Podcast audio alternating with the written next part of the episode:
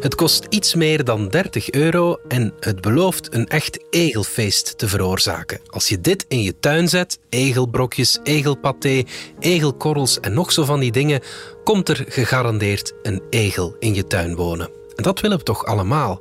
Onze columniste Anne Olaerts aarzelde dan ook niet. Want egels, ze zijn zo lief meneer, met hun grappige snuitjes. Je zou ze haast aaibaar vinden.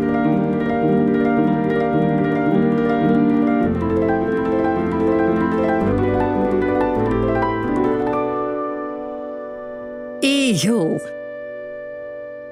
Egelfeest. Drie keer 500 gram. Kost 31,50 euro. De egels lusten het, heeft iemand in de beoordeling geschreven. Vier sterren. Er zijn bakjes, drinkschalen en nog soorten voer. Egelbrokjes, egelpaté, egelkorrels. Maar ze lusten ook kattenvoer en gekookt mager vlees. Verder heb je huisjes, mandjes van wilgetakken, iglo's en een egelschuur met uitschuifbare toegangstunnel. Een hotel, een palazzo, een buitenverblijf en een safe shelter. De buurvrouw heeft het allemaal niet. Nee, zegt ze, ook geen blikjes kittenkat. En toch heeft ze egels in de tuin. Jij niet? Nog nooit. Ze kan het nauwelijks geloven. Hier paraderen ze vaak over het terras. Het is zo grappig met die snuitjes. En ik maar wachten en smachten. Ik wil ook een egel. Eentje met een knapzak op zijn rug.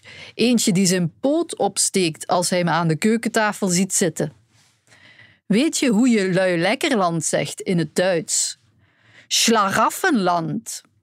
En wie ging in 1952 op reis in Schlaraffenland?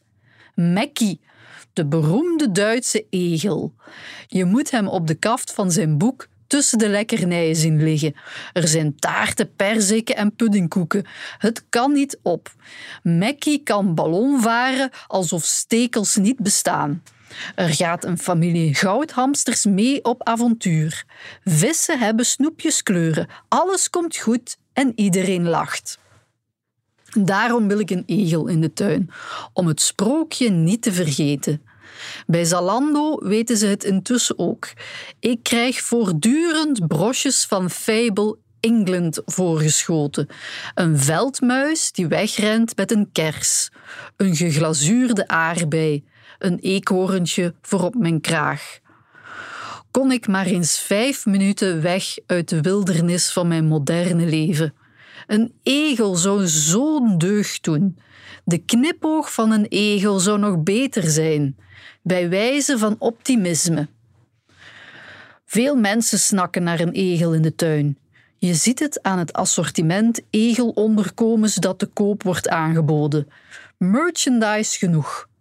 Mr. Pokey is een egel op Instagram met 1,7 miljoen volgers. Mr. Pokey poseert tussen de bloesems. Hij maakt uitstapjes in zonnebloemvelden. Hij heeft piepkleine rode sokjes. Hij valt binnen in bloemstukken. En hij verkoopt kalenders. Mr. Pokey is nogthans al jaren dood, aan een ontsteking overleden. Maar het maakt niks uit. Alle prikkelvrienden zijn inwisselbaar. Zo charmant zijn egels. De egelliefde is overal. Olivia heeft het ook. Ik ken Olivia niet, maar haar naam dook op in het vriendenboekje van Punky. Ze had een egel getekend met van die Japanse oogjes. Haar favoriete website had Olivia ingevuld, was een egelwebsite. Ik meteen googelen natuurlijk. Zo kwam ik uit bij Egelfeest. Drie keer 500 gram, meelwormen inbegrepen. Vier websites verder vloog ik met mijn kliks en mijn klaks uit het sprookjesbos. Want ineens was er Doshi, een egel uit Canada. Hij lag op een dekentje met zijn vier pootjes in de lucht. Een plaatje was het, met zijn roze velletje tussen dat witte buikpluis, tot hij een levende meelworm kreeg.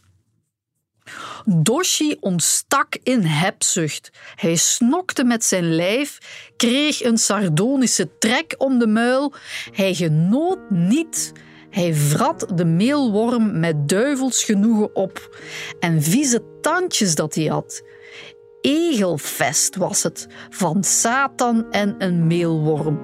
Ik hoef die egels niet meer in mijn hof.